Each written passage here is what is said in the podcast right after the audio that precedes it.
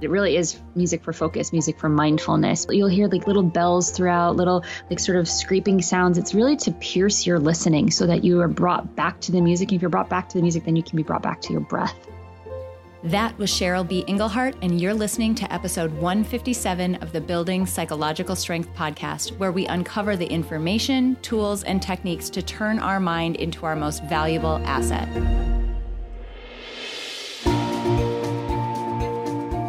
The courage to face fears with persistence. Being able to be present enough in this moment to choose my response thoughtfully. We have the strength to bend to life stressors, to bend to adversity without snapping, without breaking. There are only six things that contribute to our quality of life, and they are all experiences in every moment, we are deciding who we want to be and how we want to live our lives. Noticing what your brain is doing and then being able to make choices. Mobilize the things that we know lift us up. Fear is not logical, it's primal.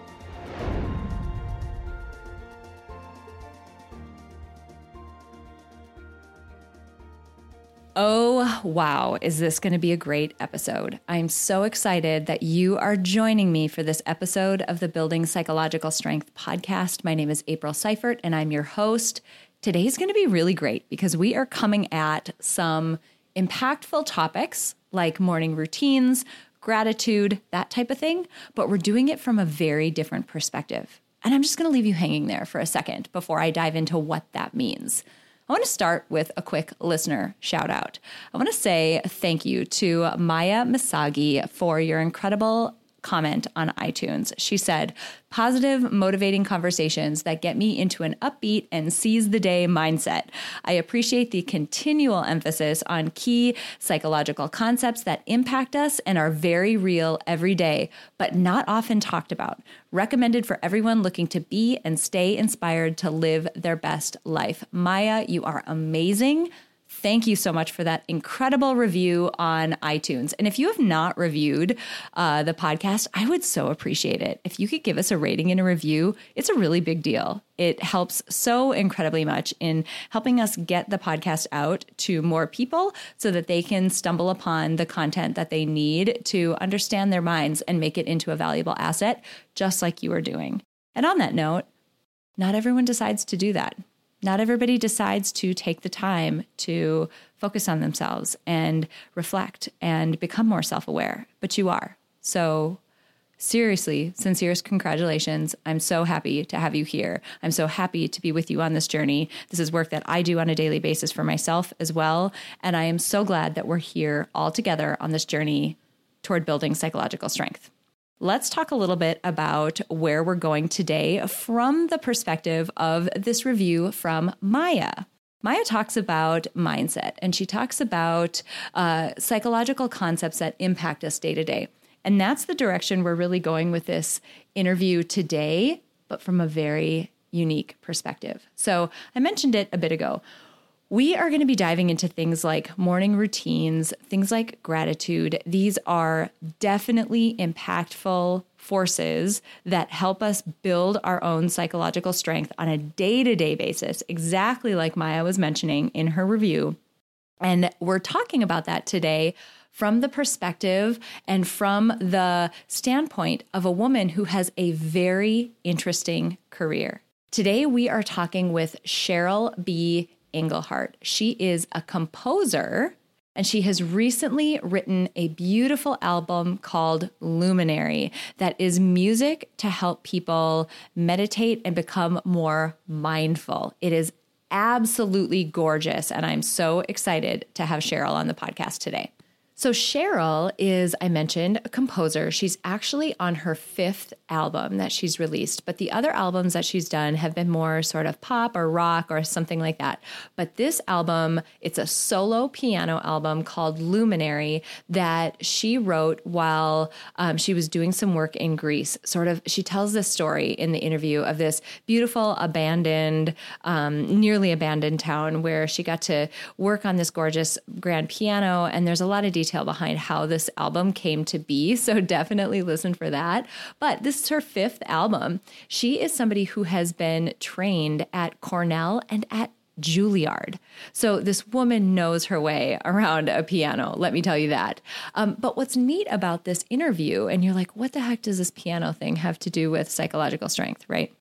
What's neat about this is Cheryl is very open about her own back like her own background and her struggle with anxiety. She gets really open with us around what that anxiety felt like and how it manifested and how she ultimately made the decision that she was going to try to rid herself of her anxiety and went on this mission to figure out how to do that. And one of the biggest things that helped her was her morning routine, which includes things like gratitude, it includes things like acknowledgement, it includes things like writing down her dreams from the night before and her goals for the day, that morning routine, and the practice of mindfulness and meditation. These are things we talk about a lot. They're things that I think people can easily cast aside as being, um, oh, they can't be that impactful, but they absolutely are. And there's a reason why we keep talking about them. So today's episode is a little bit different because we're going to be talking about this with Cheryl from both her individual, unique perspective in being somebody who has lived with anxiety and also has dealt with it and found a way to move forward in spite of it but also from the perspective of this beautiful album that she is putting out into the world. And I'm going to give you a little teaser. After we stopped recording, I asked Cheryl if she would be willing to allow us to tack on at the end of this episode one of the tracks from her album. And she agreed. So, listen to this episode, listen to this interview, this beautiful conversation with Cheryl, and then stay to the end and listen for the most gorgeous track from her new album, Luminary. And for the time being, depending upon when you're listening to this, if you pre order it, this is before it goes out, I believe she said February 7th. If you pre order the album, she will send you basically the album with a set of affirmations on top of it. She talks all about where the album title came from and where these affirmations came from and her hope for you as a listener she'll send that to you absolutely free. So, an amazing uh, way to get even more out of this gorgeous music and really deepen your mindfulness and your meditation practice. All right. That's enough blah blah for me. I'm so excited for you all to hear this conversation with Cheryl B. Engelhardt. Cheryl, I'm really excited that you are joining us for this episode of the podcast. You have such a cool background and are putting out such amazing things into the world. This is going to be fantastic. So thanks for being here. Thank you for having me. So, I want to start a little bit with a bit about you and a bit about the maybe personal journey that you've been on to get to the point that we're at today, because I haven't ever interviewed someone on the podcast who has a background like yours and someone who does the work that you do. So, I would love for you to give us a little bit of an overview of uh, who you are, the work you're doing, and what got you to this point of um, doing the work that you're doing today?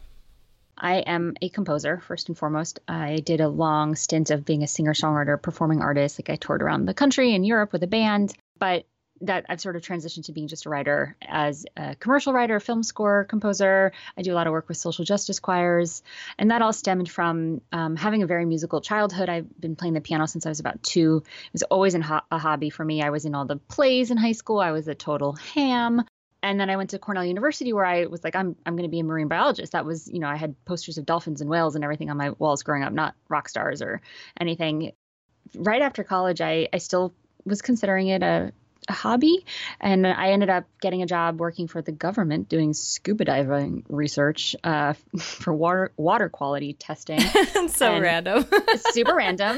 Um, I spent a lot of time in a wetsuit, a lot of time underwater. It was interesting. And we had this uh, month break when the river froze in November. And a friend of my mom's friend or knew I wrote music. And uh, I had always sort of dabbled in just writing my own piano music and he invited me to go to Italy with him to for a month to work on creating some videos and music for videos for a, a website that for a hotel that was in Rome. You know, fast forward, I never went back to the scuba diving because I was like, all right, writing music, and I, I sort of learned really early like music can take me to really cool places. But I found myself working as an assistant in an advertising agency, post production house. They're the people that sort of edit and put music onto the the commercials that you see. That led me to getting promoted to being an actual composer there.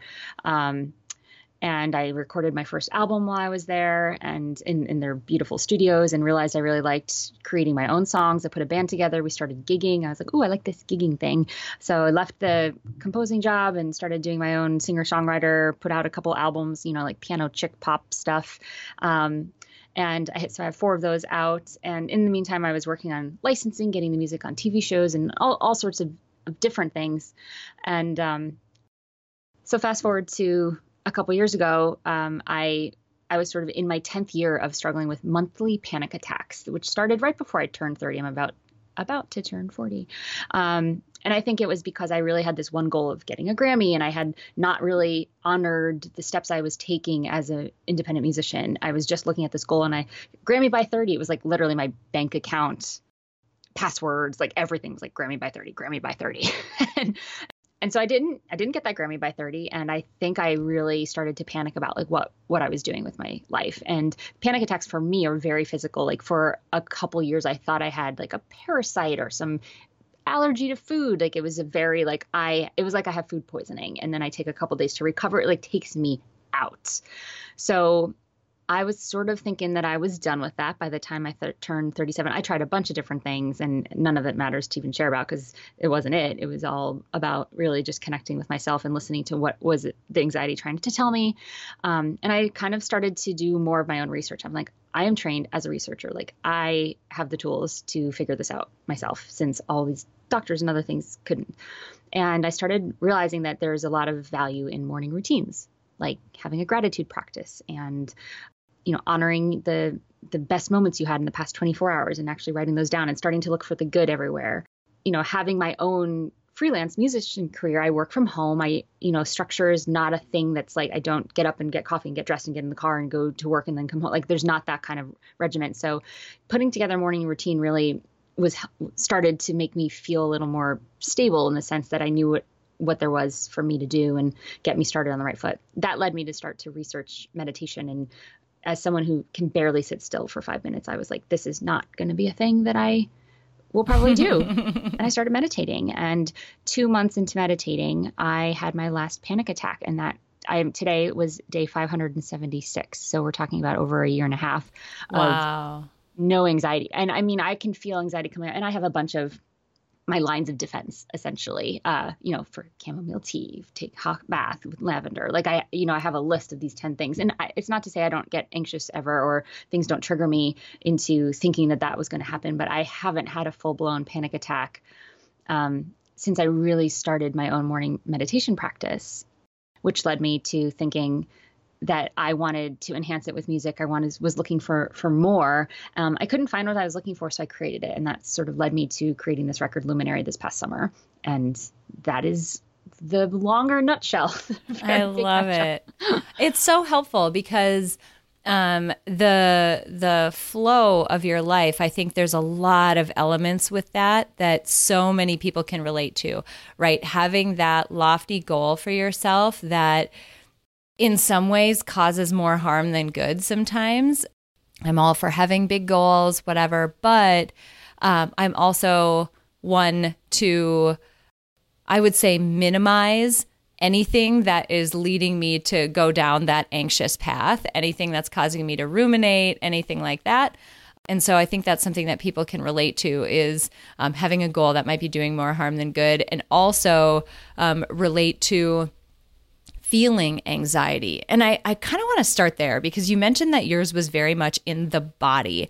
Um, can you explain a little bit about what your anxiety feels like? Because I think people confuse it with being nervous about something or whatever and it it really does manifest or it can in very different ways so i'm kind of wondering if you can give us a little bit of the lowdown on what yours felt like yeah, I mean, I know for me that my feelings of being nervous and feelings of excitement are very similar, like almost indistinguishable.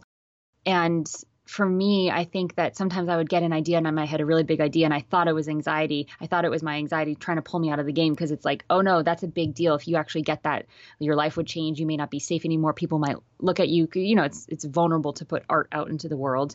And I think, you know, when I ended up talking to my anxiety, I did some some work with someone who sort of was able to have me access that. It was all just to keep me safe. So I think that when I get excited about a big idea, I had to I had to really distinguish it, and I had to actually like say it out loud or say it to myself, like I am excited about this. This does not scare me. I will be okay. Like it sounds really like very basic and kind of dumb, but like that's what I was. I would have to do in the beginning because, like you said, it it yeah it felt like excitement and I think that's like just sort of a thing out there that like the feelings and what your body does when you're nervous versus excited, like it, it's sort of they're sort of very similar biochemically. So that's the first thing. It's like it felt excited, but I like feel it behind my heart. It's definitely like a like a heart rate thing. Um, my heart rate would definitely go up. For me, I it was there was it was like a release thing, like empty out everything. I know that the fight or flight kind of pick, picked up, you know, that was happening for me, and I would just, you know, I would be in the bathroom, I'd ha- empty out my my stomach would be emptied out. Like it was just it was very physical like that right? Without getting too disgusting. Um but that that was part of that like okay empty out the body so we don't have to like you know we don't have to be digesting food in our in our you know intestines if we're going to go for this run because we're going to be you know flighting or fighting or whatever we're going to be doing. Mm-hmm. so I, I knew it was happening but like all the knowing you know doesn't really do anything.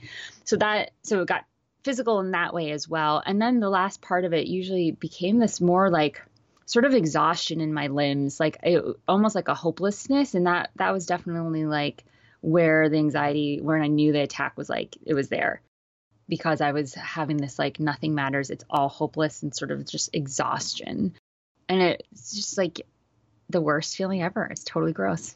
Yeah. You know, you mentioned hitting this point when you were 37 and you decided, nope, uh, no more. I, I'm going to get a handle on you know this anxiety that I've been dealing with. I had a similar situation where I reached a point where I realized that the way that it manifested for me is this pressure on my chest. I felt like mm. someone was pushing on my chest, and I would realize that I wasn't breathing. I wasn't taking really any breaths, maybe shallow ones, because what would happen is after a while, if I was feeling really anxious, after a while, I would just gasp, like, because at some point your body will breathe, like it will yeah. make you breathe. But mm-hmm. I realized I was essentially holding my breath for an extremely long time before my body would finally kick in and do it for me.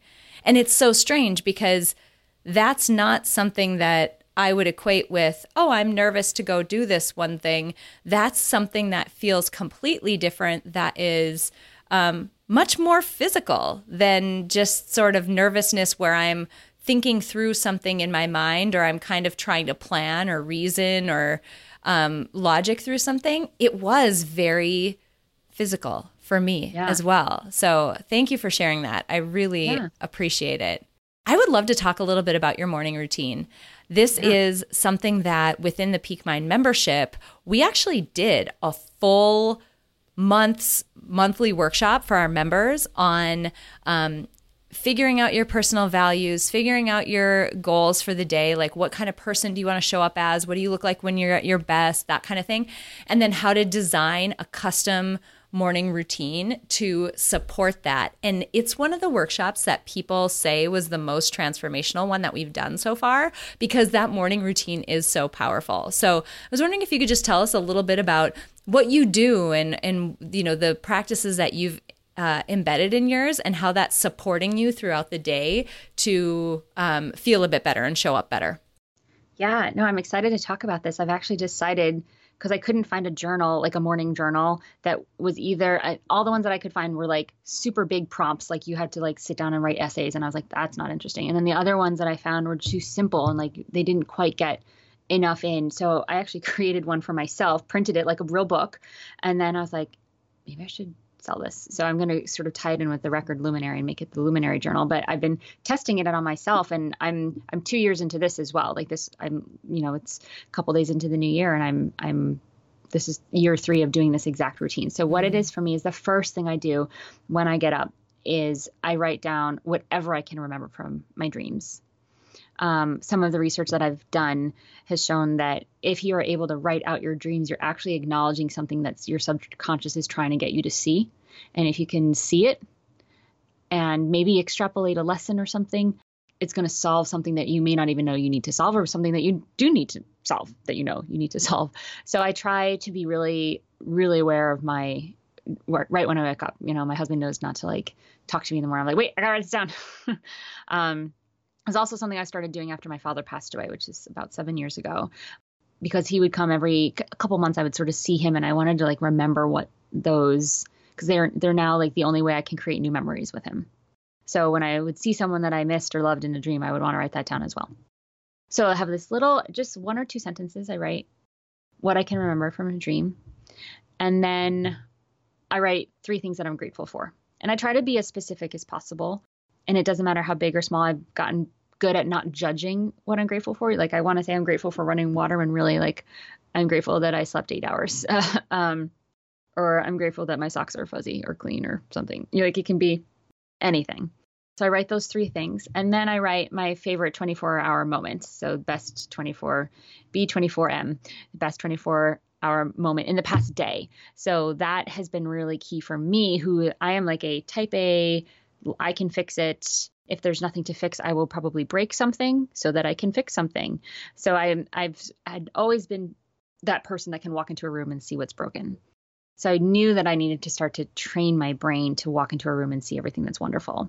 So I write this, uh, you know, what's the best moment I had in the past 24 hours so that I go through my day now looking for what's that thing going to be that I'm going to write tomorrow morning. And I think it's very subtle. I, I, don't actually like have that thought throughout the day. I mean, there's a moment or two when, you know, New Year's Day, my husband and I had this hilarious dinner and we were just like crying. We were laughing so hard. And I was like, this is going to be my moment tomorrow morning. Like, you know, every once in a while I'll be conscious about it. But um, so I write that and it makes me reflect on the past day and and then I just write something that I want to accomplish today, like one thing. If I do this one thing, it will be good. And like some days, you know, I I do not want to get out of my pajamas. I have to force myself to change and do some some work and sometimes it's exhausting generating the whole entirety of your career and sometimes I just don't want to do it. So I'm like, all right, I kind of can let myself off the hook as long as I'm like, okay, I just need to send this one email or I need to do this one thing. So I write down the one thing. And then I write down my manifest manifestation mantra, which is something I like to keep for a week or a couple days. And it's kind of just something I remind myself when I'm feeling down. So it might be I'm strong, I'm powerful, I'm I'm a charting musician, like I'll get my music on the charts or I'll do this or you know, it's some something positive that I can counteract negative thoughts with. I love that. I love that sequence of things. There's something that you said actually that I want to dive into is your mind um, starting to look for that moment in the last 24 hours. You know, people talk about there there's a ton out there in social media land and other places about the power of a morning routine. There's a reason though. I mean, yeah. there's actual really great evidence for why. And some of it is from you know the aspect of like goal setting and getting um, strategic about things and breaking things down and planning and there's a lot of benefit to that but what you're talking about is um, this this fundamental ability of our mind something i like to say a lot is that our minds are very powerful but they're not that sophisticated. Meaning if you give your mind a goal it's going to try to chase it for you. It doesn't matter what it is. So if you're the type of person who's accustomed to watching negative things, watching um, dangerous things, uh, you seek that out in your life, your mind, being the unsophisticated thing that it is, it's going to assume, oh, okay, cool. That's what you want me to look for for you. That's your goal. And it's mm-hmm. going to goal seek toward that stuff, whatever it is. You can do the same thing, though, in the opposite direction, which is what you're talking about around gratitude and something that happened that's amazing, or writing down a win that you had or a lesson that you learned. Your mind is going to just at some point catch on because it has this, there's sort of fundamental jobs of our mind. And one of them is to get us through the day safely, which there's mm-hmm. things to say about that, but get us through the, day, through the day safely, expending the least amount of energy possible. And the way to do something with the least amount of energy is to make it automatic and just like get it done during the day. So your mind just kicks in and it's like, okay, cool, she's going to make me come up with this thing later. Either I'm going to work really hard later on to try to remember it, or I'm just going to automatically look for it during the day and make it easier on all of us. So it starts to goal seek in that way, um, just to help us out. But it, like folks listening to this, like think of how different your day will feel if your mind is constantly scanning for positive things, for wins, for things you're grateful for, for that moment that you want to remember and cherish. Your life is different. Your life feels totally different totally. when that's the case. Yep. I love that. I also use a journal. Um, it's from Best Self Co. called the Self Journal. Um, adore it. There's some similar elements, some that are not. I love the idea of writing it down in your dreams. That's really cool. Um, I haven't heard that one before, so love that. Yeah, that was when I went down a deep rabbit hole on the science behind some subconscious stuff. So, but all of that's to say, it's like you know it's half a page it's, it's and they're prompts. So it's it's not like i'm filling out pages and pages. It takes me less than five minutes. And then i do a minimum of five minutes of yoga. I have like back issues and that always gets the blood flowing. And then i do a minimum of five minutes meditation up to an hour. I, I do often do a full hour meditations. Um, and i use the app simple habit. I tried a bunch of different apps and that one sort of gave me the most of what i was looking for. Um, and then I try to do some sort of exercise. Sometimes that will be throughout the day. Sometimes it's in in the morning. It depends on on what I'm planning on doing. So I I have in my little journal I have a couple little check boxes so that you can just come back at night or the next morning be like, did I um, so I say yoga or stretch. You know, some people don't have a yoga practice, which is fine. Yoga or stretch, just move the body, like wake up the get the fluids going. Um, meditation, uh, acknowledgement. So something that I do talk about in this journal, I have a couple essays sort of explaining each the science behind each thing. There's a lot of science around acknowledging other people and asking for acknowledgement. So making sure you do one a day. So that's something that I make sure I do throughout my day. Um, and then affirmations, um, figuring out, and different than a mantra. So, a mantra is something that you repeat to yourself over and over again. Um, and then affirmations are positive I am statements. And again, it goes back to training the brain to think um, differently automatically. So instead of saying I'm not worthy of this or I don't deserve this or um, you know you're you're you're starting different conversations and you're getting that to be the new normal versus what has been normal for so many years for whatever reason so I have these little check boxes of affirmations. and I actually have created a whole series of affirmations to go with it.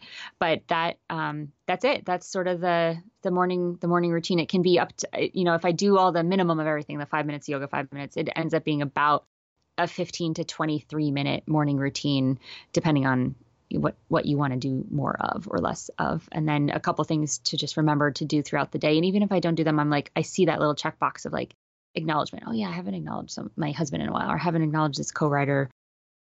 And I have a whole thing on what acknowledgement actually means. It's not just thanking them, but that's maybe for another time. But yeah, that's that's what that is. I love it. Um, something that I want to highlight so many of the techniques that we've found to be the most impactful within psychology, so many of those techniques, um, they're very simple. They are deceptively easy to do. Mm-hmm. This is one of them, right? Yep. Writing down something you're grateful for takes three seconds. And if you're having a hard time coming up with it, uh, this I've, I've said this recently a number of times on the podcast, but it was so moving for me that I feel like I need to say it again. A friend of mine once said, if you're having a tough time coming up what with what you're grateful for, imagine that you woke up tomorrow with only the things you were grateful for today. And if that doesn't punch you in the stomach, I don't know what will. Because immediately I'm flooded with, oh my God, I don't want to lose this and this and this and this and this person and these people and all of these things. So, yes, you are. You're grateful for something. But the most deceptively simple things. Another example is from a previous uh, show that I did with uh, Steve Hayes, the founder of acceptance and commitment therapy, something called defusion, thought defusion, saying becoming uh, a perceiver of our own thoughts. I'm aware that I'm having, or I'm noticing that I'm having a thought that, you know, I'm not going to do well on this upcoming task that I have to do, project that I have to do, whatever. Defusion is deceptively simple, similar to this morning routine, but they are some of the most impactful things that you can possibly do. So don't roll your eyes and think, okay, there's no way that's a big deal. The example I always give for people to put this in the realm of health and like physical health is if you've ever gone, have you ever had to go to PT, like physical therapy? Oh, yeah. Oh, yeah, right. So I remember going to PT my first time. I was trying to resolve a knee issue that I had gotten when I was distance running. And the exercises they gave me were laughably tiny. Like these tiny little knee movements that I was supposed to do because what they were doing is isolating the muscle that was weak or imbalanced, right? But these exercises, I'm like, oh my God, this is so stupid. There's no way this easy thing is doing anything. But it is. It absolutely is, right? You're doing a deceptively simple thing that has eh, like magnitudes of thousands of an impact on what your experience will actually be. And I've belabored this point, but I'm doing it because, you know, what you're talking about is so fundamental and so necessary for people to take on and begin doing. I mean, if you want to look at it from a science perspective, it's like what elements have changed in my life in the past two years. I have not moved. Everything's the same with my job. Same thing with the dog. Same thing with the husband. Like, same thing with family. Like, there have been no external factors that have changed except that I started this morning routine, which included gratitude, meditation, yoga. So, uh, two months into starting it, my panic attacks that I had for a decade, every month for 10 years, stopped. Why? I didn't change my diet. I didn't change my exercise. I didn't change anything except adding in a morning routine. So I feel like if that's not like concrete proof that this is definitely does something, at least for someone who's suffering with anxiety or unpredictability in their lives, which was like the story of my life, you know, and just having to create every day and so, like whatever the common denominator is for someone else, I feel like this is so much not a big effort why not try it? Right. You know, it's like it's not like we're saying, okay, now you need to eat only green beans for six weeks. Like that's not a thing. Um, you know, it's it just seems like to me it became the no brainer and something I would never not not do. There is a little bit of me that like the ego loves to see that number 576, 577 days straight. Like I definitely like the little counter helping me make sure I don't forget to meditate because I am competitive with myself. So I think that helps. But at the same time, whatever helps you, whatever you know about yourself, use it to your advantage. Yeah. There's a few episodes that I want to plug. Uh, I mentioned Steve Hayes. I'll link that up in the show notes. Also, episode 147 I did with a woman named Ariel Garten. She um, created this product called the Muse. It Muse. is yeah, yeah, yeah. Wonderful uh, episode on meditation and mindfulness. If you want more uh, deep information there. Also, 149 with Sarah McVonnell. Um, she's a recognition and acknowledgement expert. So, we probably, I really want to get to this album that you mentioned. So, I don't want to go down that rabbit hole. But for folks listening, if you want to know some cool science behind acknowledgement, one, um, bug Cheryl for her for a copy of her journal, or two, you can go listen to that episode 149. I'll link it up again in the show notes. But it's such a worthwhile thing to incorporate into a morning routine. Mm. With that said, uh, your album. Oh my gosh. Okay, talk about why you created it first because I think that is such it's such a cool way to fill a need that you had and that other people have. Thank you. I appreciate that. Um, so this album is called Luminary. It's my technically my fifth album. The fourth, the first four being those pop records I did. Um, and I didn't. I knew in my in the back of my mind I wanted to do a piano, like solo piano, like not with lyrics and singing. I knew I wanted to do a solo piano esque album at some point. I even recorded when I was recording piano for my one of my last albums. I even kept the microphones on my piano set up for an extra week and like recorded all this piano music. I didn't do anything with it. It just like wasn't calling me. I wasn't liking what I was doing that was like four years ago. So this um, this past year, I got into a composer residency in Greece, which is basically two weeks in this little half abandoned mountain town in Crete with um, all these little stone buildings that were completely decrepit, except a few people from Italy and Germany came and had sort of they had money they were artists and, and they came and they refurbished a couple of these these villas and, and little apartments and things. And um, one of them had a grand piano in this like big stone room. And so i was one of i think 13 or 14 people happened to be all women except for one, one guy. And they're all photographers and choreographers and artists and painters and sculptors. And i was uh, um, one of the two composers there. So i got this big room to myself and it, the piano you played the piano and the echo in the room with the stone wall it was just like it was so epic to me and i knew i could not recreate that sound anywhere else. So I was like, I'm going to take these two weeks and I'm going to record some music and I'm going to record the music that I've been looking for, which is music that can help enhance my my meditation and my mindfulness experiences. Um, all the music I had looked for when I searched for meditation or focus music is very like um like drony kind of it, it allowed me to go back to my grocery list and to my to-do lists and to actually let the anxiety come back in a little bit. Like it was it was too boring and like put me to sleep. Or the other side of it it was like childish. It was trying to make me be happy when that's not what i was feeling.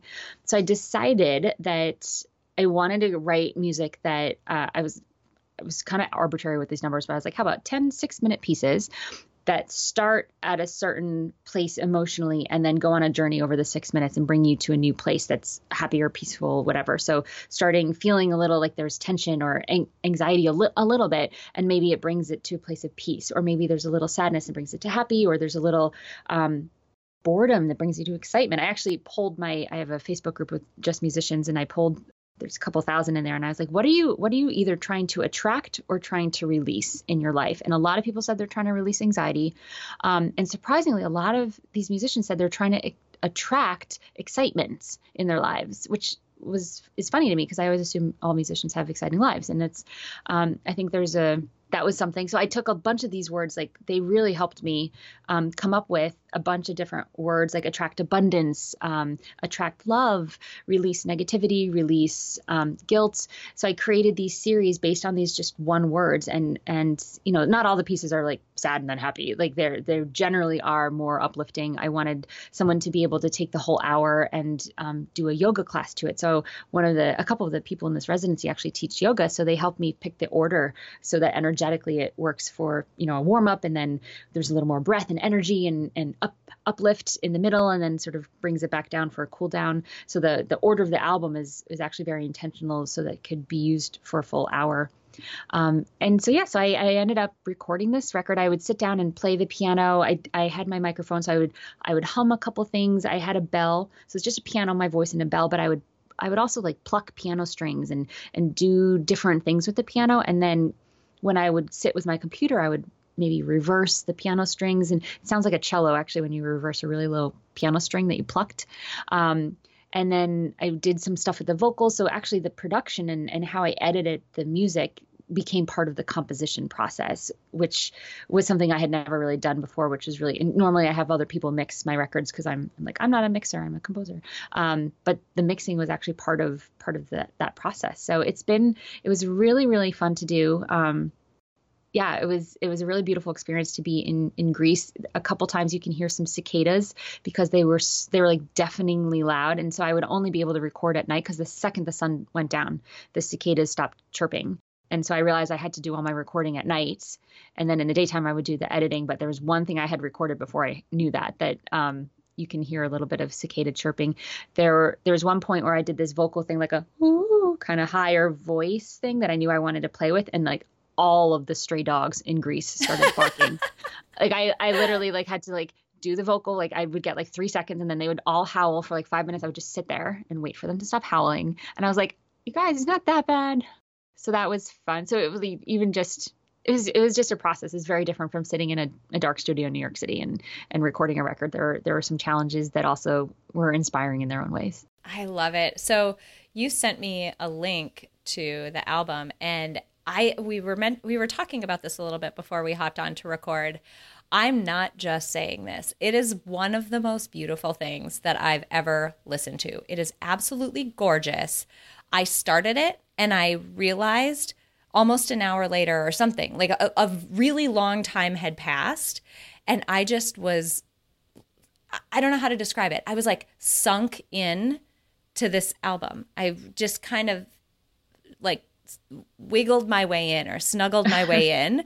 And I just felt like, yep, I hang here now. This is where, you know, it was just like so beautiful. And I can see how it would do what you said, how this music and the way that you've composed it would really support trying to maintain, you know, a, a perception on your own mind without wandering as much or um, getting bored or feeling like you almost want to argue back with the music. It's really Ooh, beautiful. I love that. Thank you. Argue back because I am an that is really great. Yeah, there's you'll hear like little bells throughout, little like sort of scraping sounds. It's really to pierce your listening so that you are brought back to the music. And if you're brought back to the music, then you can be brought back to your breath, which, as you said earlier, it's like, oh yeah, when I'm not breathing, like that's anxiety and nervousness and all these things. And it you know meditation is a lot of what you hear about meditation is really based in just being mindful about your breath. So i don't say it's a an album for meditation because a lot of people do expect that sort of drone music. And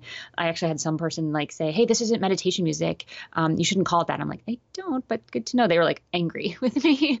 Um, and I realized that it really is music for focus, music for mindfulness, music for I, I I've had people tell me that they went running to it, and then I had other people say that it's the only stuff that they will put their kid to sleep. So I'm like, Mm. cool.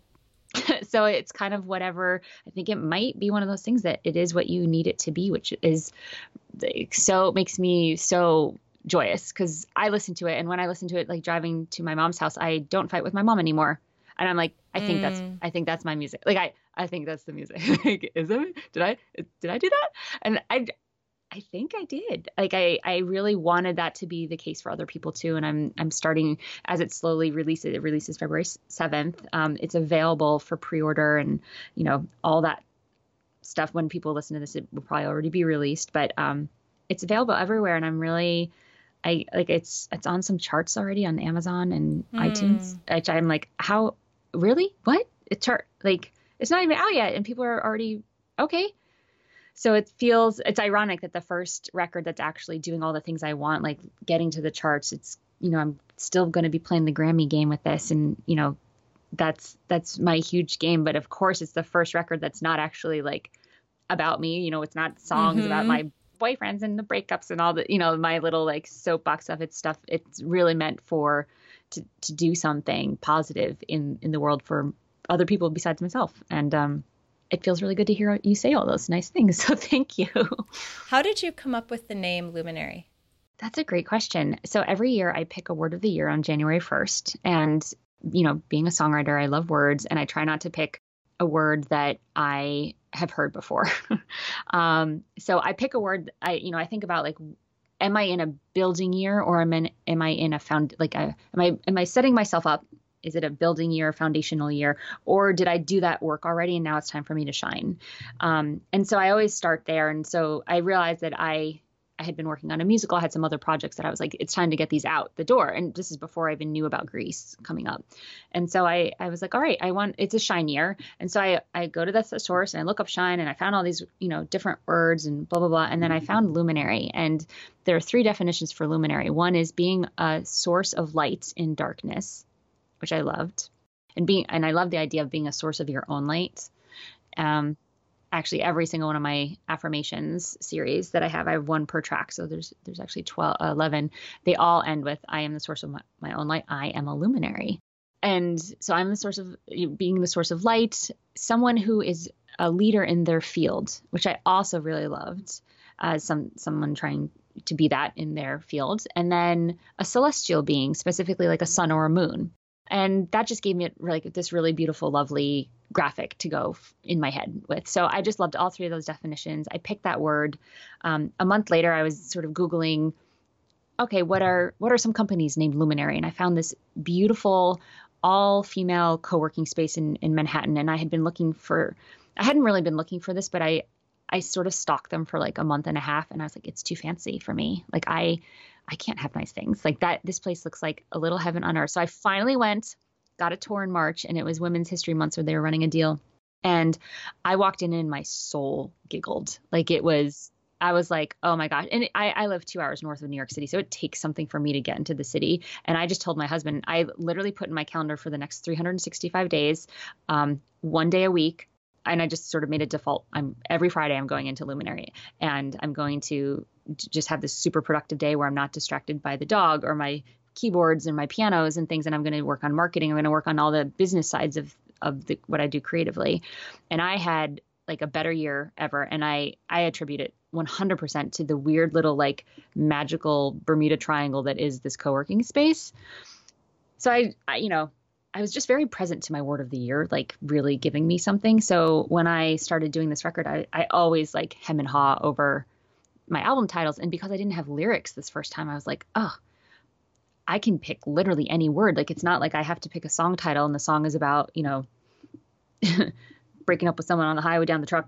That's a country song. I don't write country songs, but you know, like you you know what the title is based on the lyrics. I didn't have any parameters, so I had to give myself some parameters in order to find something that really landed for me. And I was like, why not just use this word? And then each track is named something i did a ton of research on the words for around the energy of the song so they're they're very like celestial words some of them are have some greek greek god references in the titles there's like a scientific name for a butterfly and that's a whole thing. Anyway so i i kind of was able to stick with luminary and uh yeah so the short answer is it was my word of the year and it just kind of felt right.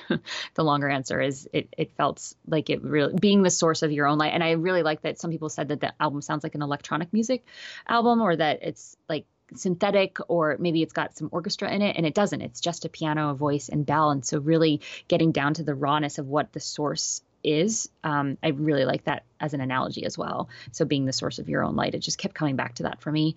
Um, some of the work I was doing even within my marriage, and one of the reasons I was taking on meditation was to look at myself and be be the reason, be the person who can see me and take that pressure and burden off of my husband and that codependency. There was something, you know, there was this need to be seen, and the second I really got that I could be the one that sees me, I could be the source of my own happiness and peace and all that stuff. So it, it, everything for me in my life was really coming back down to like being the source of your own light, which is the definition of luminary. So I love that. And you mentioned uh, the set of affirmations. That is that's something that if folks are are listening to this right as it comes out, if you pre-order, I think they get a set of affirmations with the. Uh, d- tell me a little bit about that. You do. So there are three ways you can pre-order on iTunes, Amazon, or Bandcamp. All the links are on my the website iamaluminary.com, which hopefully is easy to remember. Um, and it explains it there. Basically, Bandcamp is this independent site. It's five dollars there. You pre-order it, and then I get an email. Um, with your email in it and and immediately or within 24 hours you'll get an email from me being like thank you so much here's two tracks before it comes out um, as well as some graphics that you can use for backgrounds on your iPhone or computer that are pretty, you know, sort of inspiring. And here are all 11 because there's a bonus track um, affirmations. So it's the, it's me recording saying I am positive statements in a theme. So one would be, you know, attracting abundance or releasing negativity over each of the different pieces. So you have 12 tracks. It's it's the record with spoken affirmations on top of it. So you get that in a zip file you can download to your computer. Um, for people that are like, I don't know what Bandcamp is. I, that sounds weird. I'm just going to pre-order on iTunes. I have a gift card or Amazon. I tell people that they can just email me um, like a screenshot of their receipt or forward their receipt, and I'm happy to just personally email them the the affirmations. Um, I will eventually make them available on my website, but if you want them directly from me, I'm I'm doing that right now. The pre-orders and and when you purchase the record, um, wh- whether it's pre-order or it's out, those all go towards hitting the Billboard chart, which is the game I'm playing because that directly feeds into the Grammy game. So um, it's a it's a big picture for me as as a personal goal, but it also means that the the way charts in the music industry work is the higher you rise, the more eyes that get on it. It's a snowball effect, and it to me it really is a way for more people to hear this, um, as well as as sort of hit this milestone that I've set out my, for myself 17 years ago. So it's a it it definitely it's a game to play, and I and I love playing games where I know what it means when I win. Like I know when to tell my friends to whip out the champagne. Um, that's how I work with my goals or game. I like to say the word game instead of goals. Um, I don't know why. It's just I, I like to think of like any any anyone that pre-orders is then automatically on my team. Like we are playing this together. so it it just feels kind of like a, a more inclusive thing. But um, I get really specific and I, I really like to say, okay, the game I'm playing is you hit number one on the new age billboard chart when this is released. And I think for me, knowing that you know whether or not it's number one or number 19 or whatever I, there there's not a losing thing. It's like i'm i'm living the life of someone who's up to winning a grammy or up to winning a billboard or um, i'm taking all the steps and i'm seeing things happen that wouldn't have normally happened if i was not playing that game. So it's it's not you know even if i don't win it it doesn't mean that i lost. Mm-hmm. yeah. So i i try to like put that out there in all my social media and all the promotion of the record it's it's actually more about explaining what that is. And other people are writing me being like i'm actually inspired. Like tell me about this champagne win you're talking about. Because i'm like a lot of people say oh my goal this year is to you know lose more weight or get more fans or and i'm like well how do we know when to break out the champagne? Like i don't like that's more is not a thing. So i try to get specific and it's to me it's always fun when it's it's very measurable. So that's that's sort of how i operate. I love it as we're wrapping up, I would love if you um, could tell us what psychological strength means to you. Yeah, psychological strength to me, I think, is is awareness and willingness, and the combination of the two of them. Um, awareness of what it takes to be intentional with your life and have and create your life, and then willing to do the work to to manifest that. Um, I knew for me that it was going to take something for me to stay in my marriage when I knew that it was, and I hadn't tried everything and I hadn't looked at really looked at myself yet. I just wanted him to change. No one knows what that's like, right? Um, and when I finally started doing that, I really found so many other things. And I, I but I had to be willing to look at those shadows. Um, and I think you can't be willing to do something unless you're aware of it in the first place. Uh, and honestly, that has I feel like maybe this time two years ago, I would, if someone said, Are you psychologically strong? I'd be like, No. Did you see that panic attack I had two weeks ago? Like, I, I don't think I would have been able to answer that. And right now I'm like, I must, hell yeah, I'm psychologically. Mm-hmm. And I think it be, mm-hmm. came from that awareness and the willingness. Absolutely. Oh, I love it. I'm so excited to be a small part of getting your beautiful album out into the world. I so appreciate you taking the time to chat with us today. This has been amazing and a really cool glimpse behind the curtain. I don't know anything about the music industry, so this was really interesting and cool from that perspective as well. Um, I just want to say thank you and thank you for sharing this beautiful art with the world. Like I said, it, it was absolutely gorgeous. I highly encourage people to go pre order or buy, depending upon when you're listening to this, you definitely will not be disappointed. So thank you so much for being here. Thank you so much for having me. This is really great. That was my interview with the amazing Cheryl B. Engelhardt. And as I mentioned in the beginning, Cheryl agreed to share one of the most gorgeous tracks from her new album with us. So, without further ado, please listen to the beautiful song Earthshine.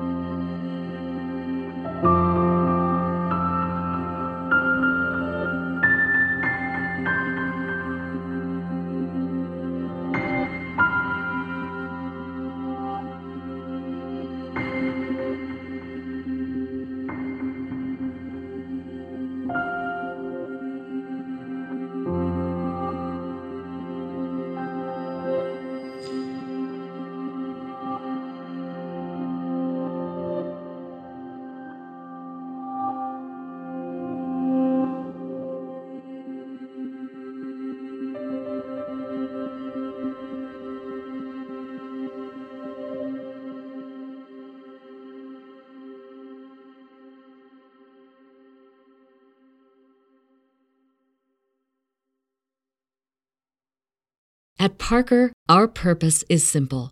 We want to make the world a better place by working more efficiently, by using more sustainable practices, by developing better technologies. We keep moving forward.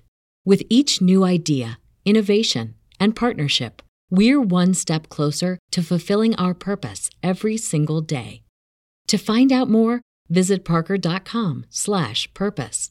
Parker, engineering your success.